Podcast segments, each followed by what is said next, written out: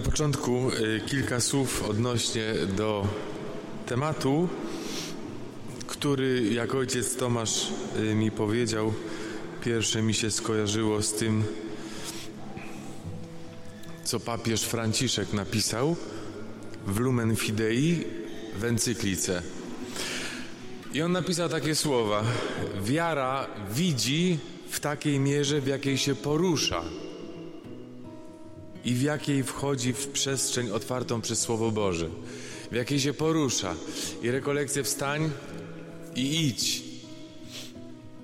Wiele razy mamy ten tekst w Biblii, a przede wszystkim w, oczywiście w Starym Testamencie dziś o niego zahaczymy, ale nade wszystko w dziejach apostolskich, dziejach apostołów. Gdyby Piotr nie wstał i nie poszedł, nie ochrzciłby Korneliusza i jego domu. Gdyby takiej postawy nie miał diakon Filip, nie ochrzciłby eunucha. Gdyby takiej postawy nie miał Szczepan, nie nawróciłby się Paweł. I wiele takich sytuacji jest w dziejach apostolskich, że ktoś wstał i poszedł, a nie tylko od pierwszej księgi, od księgi rodzaju, Abraham też. Facet 75 lat, ustawiony w życiu i musiał wstać i iść. No nie musiał. Bóg nie jest duchem przymusu, propozycji. Diabeł przymusza, ale Abraham wstał i poszedł. I na tym wszystkim siedzimy i papież Franciszek, widząc to wszystko, znając Słowo Boga, mówi, że wiara w takiej mierze widzi, w jakiej się porusza. Trzeba wstać i iść. I z natury my wszyscy jesteśmy do tego powołani, żeby wstać i iść. Po co iść? No nie, nie na zakupy, tylko wstać i iść i głosić Jezusa. To łączy nas wszystkich. I na początku może kilka słów takich teoretycznych trochę. Bo po co istnieje Kościół? Jaki jest cel istnienia Kościoła? Ja wiele lat myślałem, że głównym celem Kościoła jest głoszenie Jezusa, czyli ewangelizacja. A dzisiaj wiem, że to jest jedyny cel Kościoła głoszenie Jezusa. Kościół nie istnieje dla innego jakiegoś motywu. Kościół robi różne rzeczy, pomaga Caritas tu, tam, różne rzeczy robi, ale to nie jest cel. Celem Kościoła jest głoszenie Jezusa. Jedyny cel. I tak powiedział papież Benedykt XVI w 2012 roku, kiedy zwoływał synod i on y, w homilii na rozpoczęcie synodu powiedział właśnie takim, ta, w, w takim zdaniu, że sensem istnienia Kościoła jest głoszenie Jezusa, ewangelizacja. W ogóle w, w Kościele katolickim przełomem był Sobór Watykański II. Tam jeszcze nie padło to słowo ewangelizacja, bo Kościół przestał się tym słowem posługiwać. Nawet to, co dzisiaj mamy dykasteria nauki wiary, czy wcześniej kongregacja nauki wiary, y, to dzisiaj y, znamy y, tę nazwę. Wcześniej przed Soborem Watykańskim II to nie było nazewnictwo Kościoła. Nazewnictwo Kościoła to było propaganda. I to, co dziś nazywamy dykasterio nauki wiary, wcześniej było propagandę fidei, propaganda wiary. To był język Kościoła, to był język nasz. Sobór Watykański II nagle otwiera trochę drzwi i mówi, i, i mówi zmienimy trochę terminologii. I to nie chodzi tylko o terminologię, tylko chodzi o to, że Kościół istnieje dlatego, żeby wyjść. I pierwszy odważny papież, który zainicjował ten ruch, to był Paweł VI. Był mądry człowiek, święty zresztą papież, tak? Pierwszy raz go w ogóle użył w takim dokumencie, dość ważnym dokumencie o wprowadzenie y, do nowych obrzędów wtajemniczenia dorosłych. Katechumenat dla, dla ludzi, którzy nie są ochrzczeni. Piękny dokument i on tam właśnie pisze, pierwszy raz tam pada słowo ewangelizacja. Potem cały y, wspaniały jeszcze, wspaniała adhortacja y, Pawła VI Ewangelii Nuncjandi. I on tam, święty papież, zastanawia się, co się stało na zdrowie. Ty już mam kończyć? Nie. Co się stało, że zablokowaliśmy głoszenie, że nie wstajemy i nie idziemy, że siedzimy w miejscu i zajmujemy się sobą. Co się stało, nie? I Paweł VI w 80 punkcie Ewangelii Nuncjandi właśnie pisze, że obezwładniliśmy głoszenie Jezusa, że są przeszkody. I Paweł VI mówi, najważniejsza przeszkoda to nie jest procesje gejów, lesbijek, i to nie jest y, y, a, partie, które wspierają aborcję, y, śluby homoseksualne i inne, bo świat jest zły, bo kultura jest okropna. To nie jest przeszkoda. To w zasadzie to jest zachęta, żeby wyjść i im coś powiedzieć o Jezusie. Papież Paweł VI mówi, najważniejszą przeszkodą, że my nie chcemy wstać i że my nie chcemy iść, jest sitcum domesticum, czyli przeszkoda domowa, że ja nie chcę wyjść, jeszcze głupi nie jestem, potrafię sobie jeszcze to wyjaśnić, prawda, i udowodnić, dlaczego nie ma sensu iść z Ewangelią. I Paweł VI pisze, że tak, że tą przeszkoda jest we mnie i tą przeszkodą poważną, Paweł VI mówi, jest brak radości u głosicieli słowa. Bo jak ja idę komuś mówię o Jezusie, ale sam mam minę, wiecie, jakbym mówił o, o, o cmentarzysku tylko, no to każdy powie, jesteś fałszywy, nie?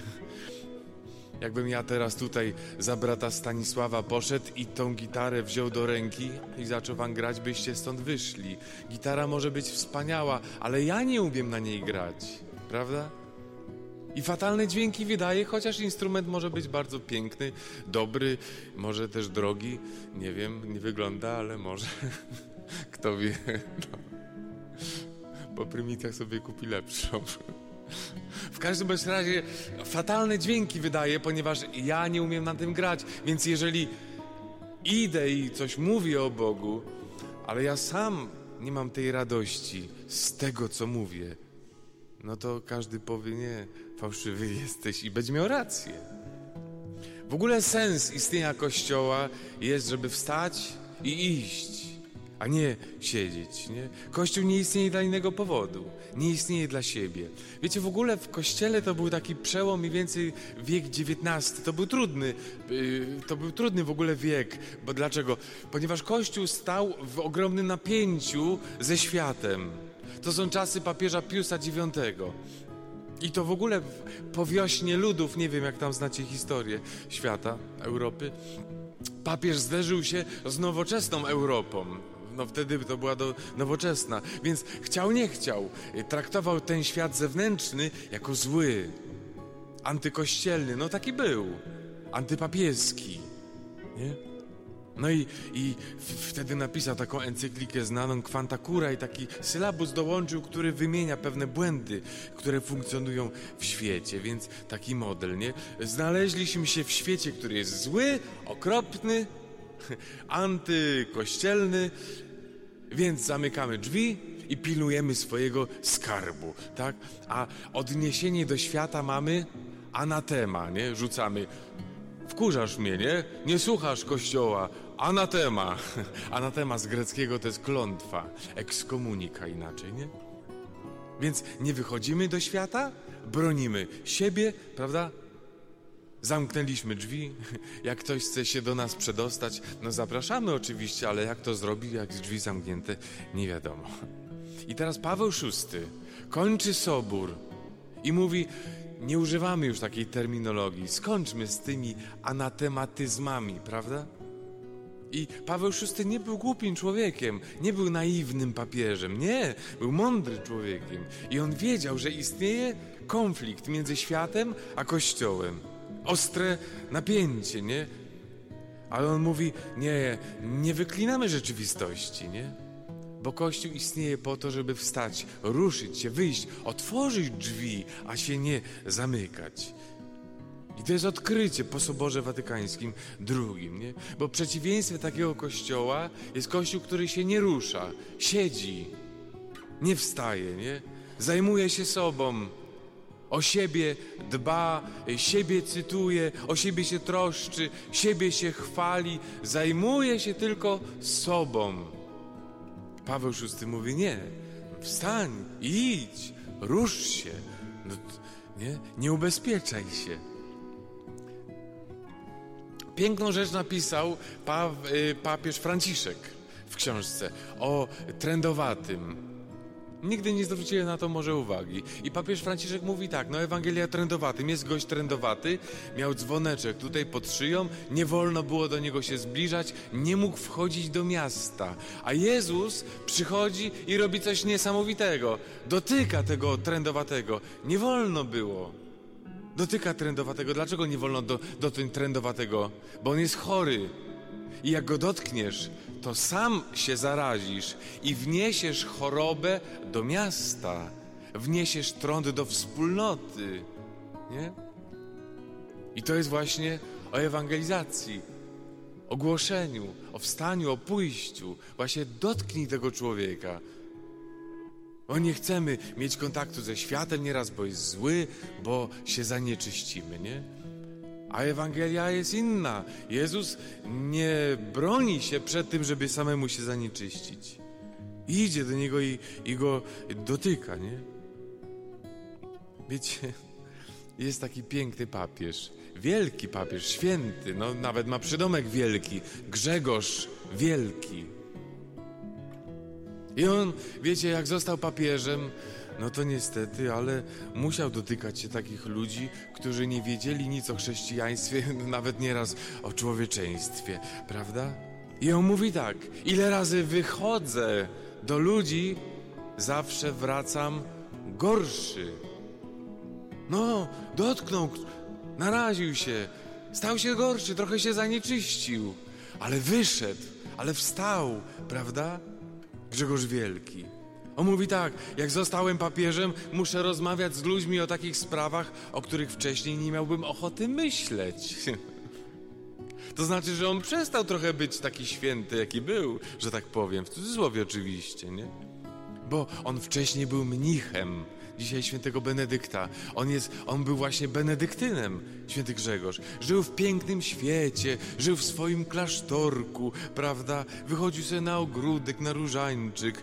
Piękny, wszystko poukładane, wstanie na dzwoneczek, yy, obiad na dzwoneczek. Tak na Jasej Górze też mamy. Trudne to. Ale jak został papieżem, wiecie, no to, no to musi się spotykać z ludźmi, którzy są trudni, prawda?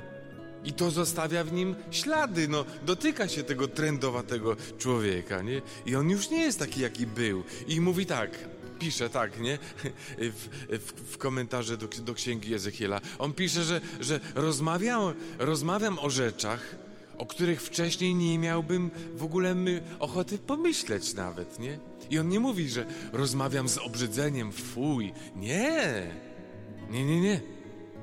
A on właśnie mu, ja ma, mówi, pisze, ja mam nawet radość z tego, że sobie tak pogadałem, nie? W takich głupich sprawach, nie? A on już nie jest taki czcigodny Benedykten, jaki wcześniej był. Nie? Albo inny papież, Eugeniusz III. Świetny papież. O, on był uczniem, on był cystersem w ogóle, zanim został papieżem i był uczniem, święty, takim duchowym synem y, świętego Benedykta, y, świętego Bernarda z. Eugeniusz. Miał imię Bernardo de Pisa. No i on, on, prawda, kardynałowie wybrali go papieżem, więc Bernard święty się wkurzył i napisał list do kardynałów i poprzezywał ich z góry na dół i mówi, coście zrobili temu cystersowi, nie? On już żył w niebie, miał swoją celę, cela, czyli niebo. On już żył w niebie, a wyście go zwymiotowali światu. Przywróciliście go światu, nie?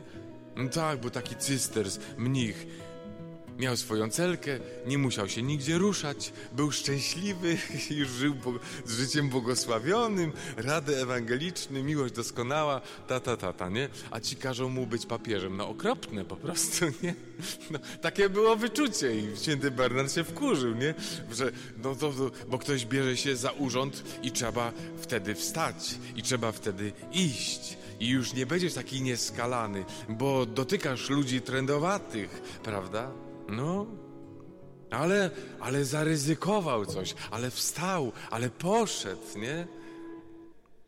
To, co mówi papież Franciszek. Ja wolę kościół, który się pobrudzi, ale wyszedł do ludzi. Wyszedł, pobrudził się, pomylił się, upadł tam gdzieś, poharatał się. No nie jest doskonały, ale zaryzykował coś, ale wstał, ale poszedł. A nie musi tak być. Możesz Możesz sobie grać na gitarze w swoim gronku tylko i śpiewać sobie cudne piosenki, dbać o siebie, zajmować się sobą, ale nie po to jesteś. Wszystko w kościele jest, żeby wstać i iść. Tak, bo Kościół rośnie mocą słowa. Słowa, nie? Jest takie zdanie w dziejach apostolskich, taki refren często. Słowo Pańskie szerzyło się i rosło, rosło potęgę, umacniało się, a Pan przymnażał tych, którzy dostępowali zbawienia. Piękne to jest, że Słowo Boże rośnie, ale Pan dodaje nowych uczniów. Ty musisz wstać, trzeba iść, ale to Pan dodaje, nie? Pan dodaje.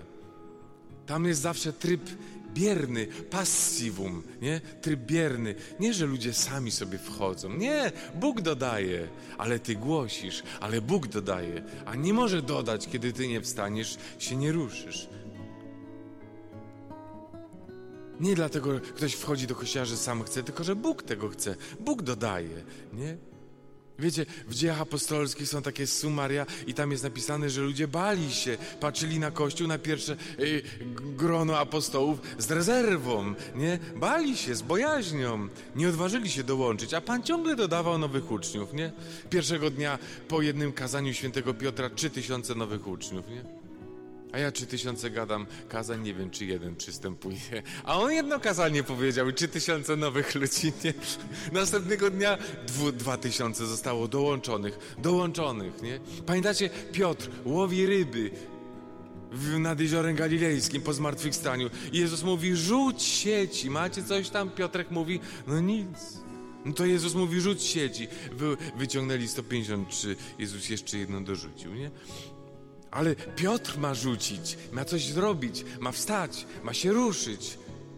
Ma rzucić, nie? Ale nie Piotr zadecyduje, ile tam będzie tych ryb i skąd one się tam wzięły. Pan mu daje te ryby. Nie? Pan daje te ryby i on potem, on, on właśnie to, to przeżył, nie? Pierwszy raz w życiu rzuca się Słowa Bożego i Pan mu daje trzy tysiące nowych ludzi. Prosi o chrzest. Co, Piotr miał wenę? Nie. Słowo działa własną mocą. Z Królestwem Bożym dzieje się tak, jakby gdyby ktoś wrzucił y, nasienie w ziemię, czy śpi, czy czuwa we dnie, czy w nocy, czy chrapie, czy drapie, co tam, nie? Nasienie samo kiełkuje, on nie wie jak. On nie wie jak. Pan dodaje. Samo rośnie. A Paweł VI mówi, że nieraz naszym działaniem blokujemy siłę słowa, bo nie chcemy wstać bo nie chcemy iść, bo chcemy zajmować się sobą.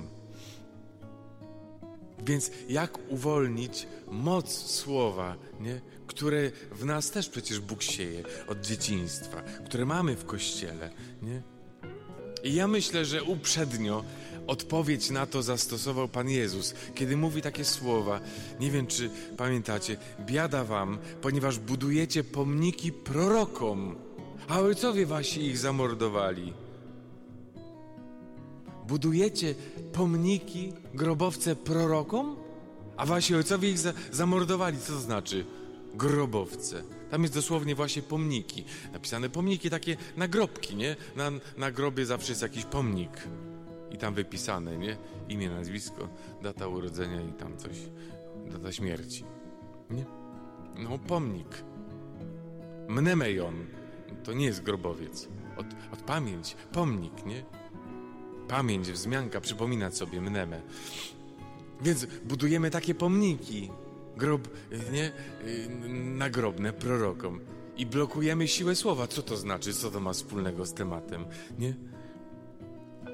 No właśnie. Wiecie, pamięć tak naprawdę w, y, y, powinna odgrywać rolę y, korzenia, nie? Korzenia. A niestety staje się często tylko kotwicą naszą, nie? Katolików, chrześcijan, nie? Idę do kościoła, idę tu, idę tam, ale to jest kotwica. Może to nie być dla mnie korzeń, bo korzeń od kotwicy się różni tym, że nie tylko jak kotwica mnie trzyma, ale daje też soki odżywcze. Nie? To jest yy, korzeń. Nie? A taka pamięć może być, że jest tylko kotwica, nie? trzyma mnie i zadowala się jakąś przeszłością w skamieniałej formie. Postawiliśmy pomnik. Co to oznacza, nie? Powiem to, powiem innym zdaniem, może prostszym.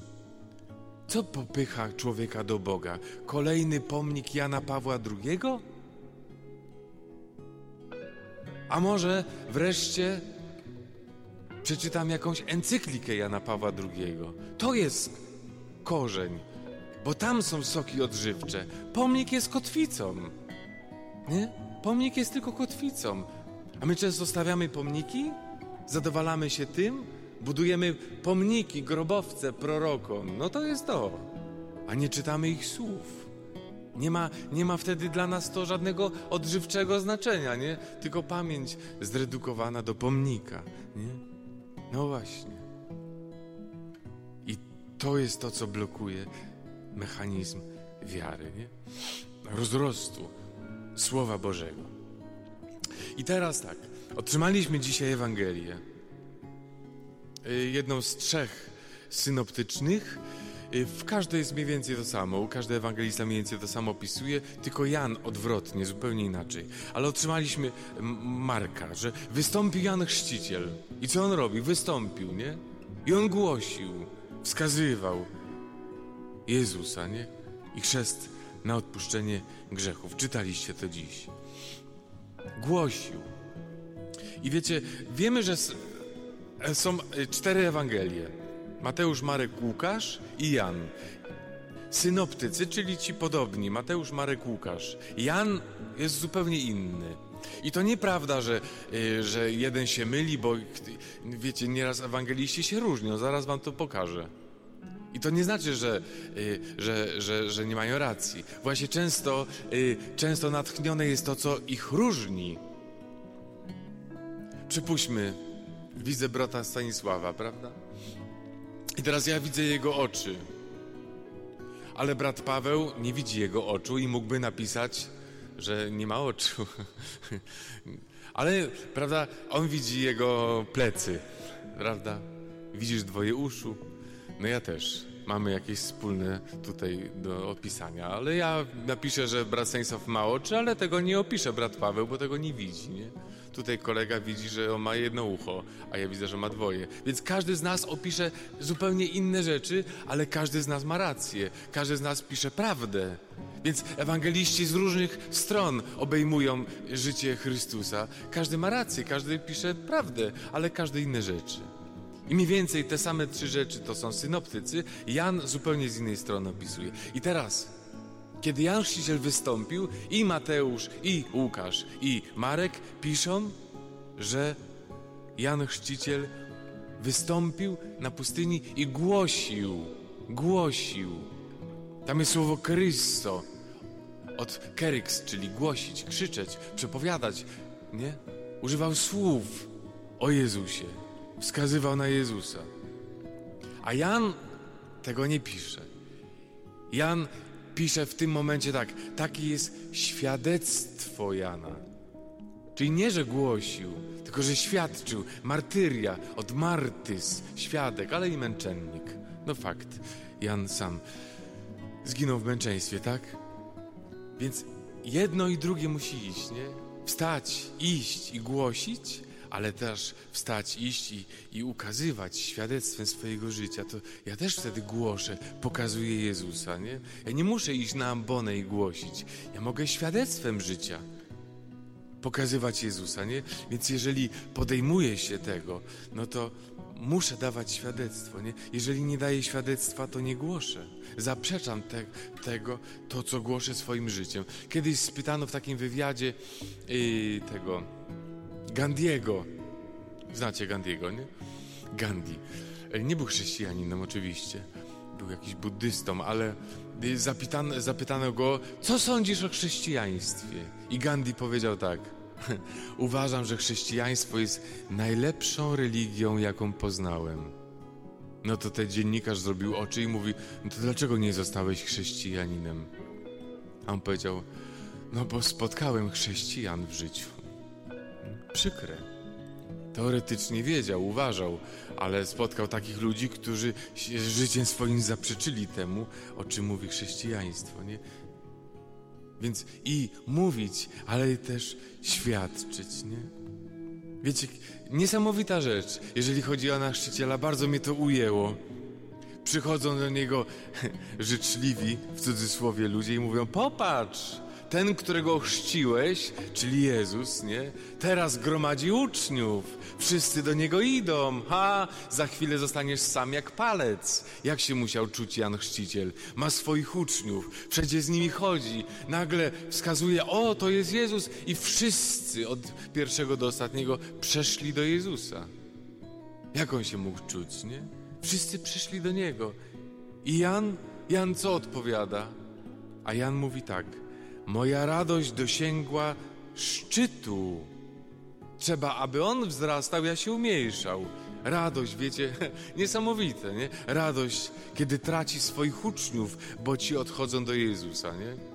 My to może kapłani przeżywamy, jak trzeba odejść do następnej parafii, nie?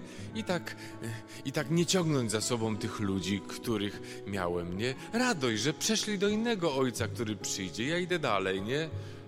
I Jan ma z tego radość, nie? Od, odchodzą od niego, a on ma radość. I ta radość to jest świadectwo.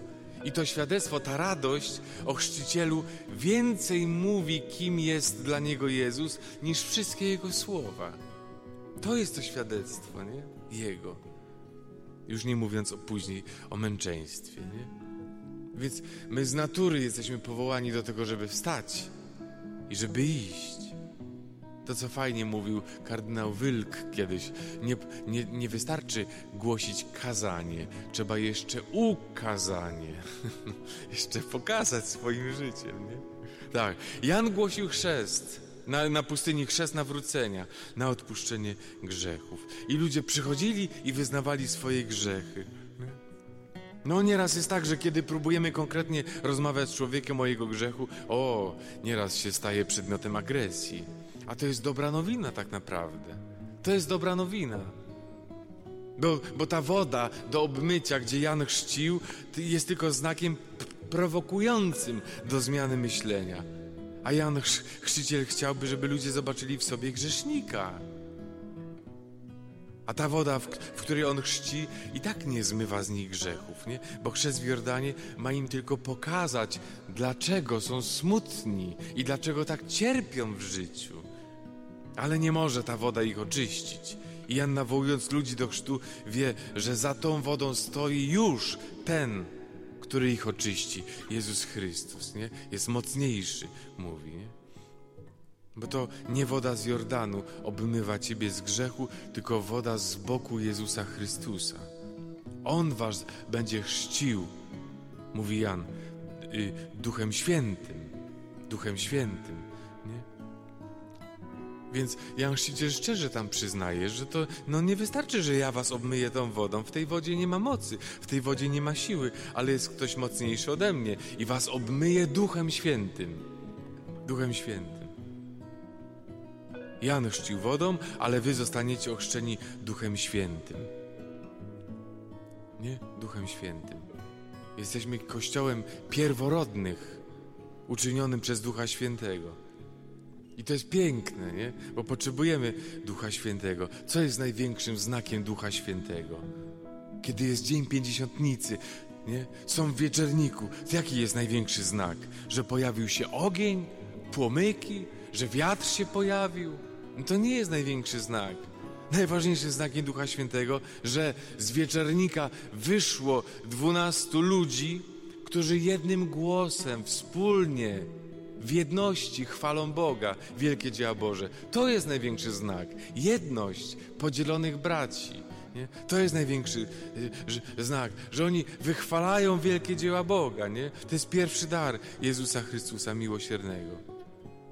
Kiedy Jezus przychodzi do apostołów, co im mówi? Ześlę wam obietnicę Ducha Świętego. I mówi, pierwszą obietnicą Ducha Święty, y, Jezusa jest Duch Święty. I Duch Święty, i teraz Jezus przychodzi do apostołów w wieczerniku i mówi, weźmijcie Ducha Świętego, którym odpuścicie grzechy. Czyli po co mi jest konieczny Duch Święty? Na odpuszczenie grzechów, nie? A Jezus mówi wcześniej, no, kiedy Duch Święty przyjdzie, przekona was o grzechu. I tam Jezus używa takiego słowa w Grece, ono brzmi parakletos. Parakletos, no różnie można tłumaczyć. Pocieszyciel y, kiedyś było napisane, to nie jest dobre tłumaczenie. Może rzecznik, adwokat, o, obrońca. To, co y, święty Hieronim w łacinie, y, tłumacząc na łacinę Biblię, przed, odnosi jako advocatus, adwokat. Adwokat, ktoś, kto stoi przy twoim boku, kiedy masz proces, nie? Adwokat. To jest niesamowite. W tym roku to do mnie doszło jakoś tak, przygotowując homilię o Duchu Świętym, nie? A on mówi tak, otrzymacie Ducha Świętego, otrzymacie, tak, Ducha Świętego, parakleta, adwokata. Adwokata takiego otrzymasz, który ciebie przekona o grzechu. To jest niesamowite. Mnie to zszokowało, nie? Taki adwokat, który cię przekona o grzechu. Kiedy masz adwokata? Kiedy dostajesz adwokata? No to jak coś narozrabiasz, nie? Jak coś narozrabiasz, no to idziesz do aresztu, no i otrzymujesz adwokata, albo z urzędu, chyba że masz bogatych rodziców. Nie? A adwokata potrzebuję wtedy, kiedy ciąży na mnie wina. I to konkretna. Jestem oskarżony. I to słusznie. I teraz sobie wyobraźcie, nie? Jesteś oskarżony oskarżona. Dostajesz adwokata. Przychodzi do ciebie adwokat i pierwsze, co ci mówi, ty jesteś skończonym draniem. Ty jesteś łajdakiem, nie? Ty jesteś łobuzem. Kryminalistą jesteś. Czy tego się spodziewacie po adwokacie? Nie spodziewasz się raczej po adwokacie tego, żeby przyszedł i powiedział: Nie, nie, jesteś w porządku, człowieku, jesteś niewinny, pamiętaj, jesteś niewinny. Tak musisz mówić. A wyciągnąć cię z aresztu, no to kwestia czasu. No, dogadamy się tam. No, tego się spodziewamy po adwokacie. A Jan Chrzciciel wskazuje, że Duch Święty przyjdzie nas chrzcić ogniem że Jezus przyjdzie chrzcić Duchem Świętym, tak, Duch Święty jest takim przedziwnym adwokatem, nie? Który zaczyna od tego, że przekonuje mnie i ciebie o grzechu. O grzechu. Jesteś łajdak, Marcin. Duch Święty przychodzi i mówi: No cóż za przedziwny adwokat, ale tak. I ja nie muszę przed tą prawdą dzisiaj uciec. Nie muszę przed tą prawdą uciec, bo to jest obietnica, którą wypowiada Jezus Chrystus, który jest zawsze po Twojej stronie. I to tak dalece po Twojej stronie jest Chrystus, że sam zapłacił Twojej winy. Więc nie musisz się takiego adwokata bać. Nie musisz się bronić, nie? Przed wezwaniem do nawrócenia, z odpuszczenia grzechów. Bo On przychodzi do Ciebie, ten, który sam był zawieszony na krzyżu i sam stał się Twoim obrońcą i sam zapłacił za Twoje winy, nie? Wiecie, żeby przygotować się na przyjście Jezusa do mojego życia dziś, musisz znaleźć powód, który spowoduje, że będziesz czekał. Że będzie zależało ci, żeby ten Bóg objawił się dziś w Twoim życiu, nie? Kto czeka na wybawiciela? No to ten, kto sobie zdaje sprawę z, z własnej niewoli, nie? Ten czeka. I my potrzebujemy w sobie też odkryć ten grzech, o którym dzisiaj Jan Chrzciciel mówi, nie? Odkryć sobie trupa martwą tkankę dziś. Każdy ma. Każdy ma, każdy człowiek ma w piwnicy jakiegoś trupa, każdy. Nawet brat Paweł. Wygląda jak anioł, ale on też ma trupy. Ja też mam trupy, każdy ma trupa. I trzeba go odkryć, nie? I Łazarzu, wyjdź, wyjdź. No wyjdź, trzeba wstać. Też facet musiał wstać, nie? Wstać i zanim zacznę iść, trzeba wstać ze swoich grzechów, żeby iść do człowieka, głosić mu swoją nowinę. Nawet gdybyś dziesięć razy dziennie upadał. Był taki moment w moim życiu, że spowiadałem się raz na dwa miesiące. Ale był taki dzień w moim życiu, kiedy przyszedłem do spowiednika i powiedziałem: Ostatni raz u spowiedzi byłem dziś. I głupio mi było. A on mówi: Bardzo dobrze, że nie chciałeś iść spać z grzechem. Był taki moment, nie? Nawet gdybyś miał powiedzieć: Ostatni raz, dzisiaj dwa razy się spowiadałem. I bardzo dobrze, że nie chcesz żyć w grzechu, nie? Że zdałeś sobie może sprawę ze swojej niewoli, ale za to ty potrzebujesz zbawiciela, nie? Zbawiciela. Bo jest takie, może wiecie, takie nastawienie, żeby banalizować wszystko w życiu, machnąć ręką obojętnie, nie? No to się nie da, nie? A jestem w porządku, wzruszyć ramionami, nie? I wolisz, nie wiem, rozwiązywać krzyżówkę, grać w komóreczkę, a może jechać na działeczkę, kwiateczki, seriale, żeby tylko nie wrócić do własnego życia, bo tam są znaki zapytania bo tam jest coś bolesnego, nie? Bo tam jest rozczarowanie, bo ktoś cię zranił, albo spoczywa na tobie grzech i nijak nie możesz z tego wyjść. I to jest to miejsce, w które dzisiaj Duch Święty chce wejść. Bo można z życia zrobić grobowiec. Ale nawet gdyby tak było, Jezus chce przyjść i powiedzieć Tobie dziś, Mario, nie, nie, nie wiem, Pawle, Stanisławie, wyjdź. Zanim pójdziesz, to wyjdź. Wyjdź na zewnątrz, nie? I to jest to, na co Duch Święty chciałby nam otworzyć oczy dziś, nie? Nie banalizuj, nie bój się, nie przechodź obojętnie. Ty też masz powód, żeby Duch Święty przyszedł dziś do ciebie. Ty też masz powód, żeby go zaprosić. Ty też masz potrzebę, żeby Duch Święty przyszedł przez twoje życie i wyprowadził cię ze śmierci do życia. Już tu, Potrzebuję, żeby Duch Święty przeszedł przez moje życie. Nie? Już doświadczyłem śmierci w swoim życiu wielokrotnie, czyli grzechu. Nie? Mamy powód wszyscy do tego. Nie? Tak. Kiedy Duch Święty, wiecie, przychodzi w wieczerniku, nagle jest ogień. Albo jest wiatr, nie? Szum. O, to nie jest spokój. Duch Święty to nie jest święty spokój. Święty spokój to jest ideał ludzi, którzy na cmentarzu leżą. Tam już nikt nikogo nie inspiruje. Ale Duch Święty to nie jest święty spokój, nie? On inspiruje.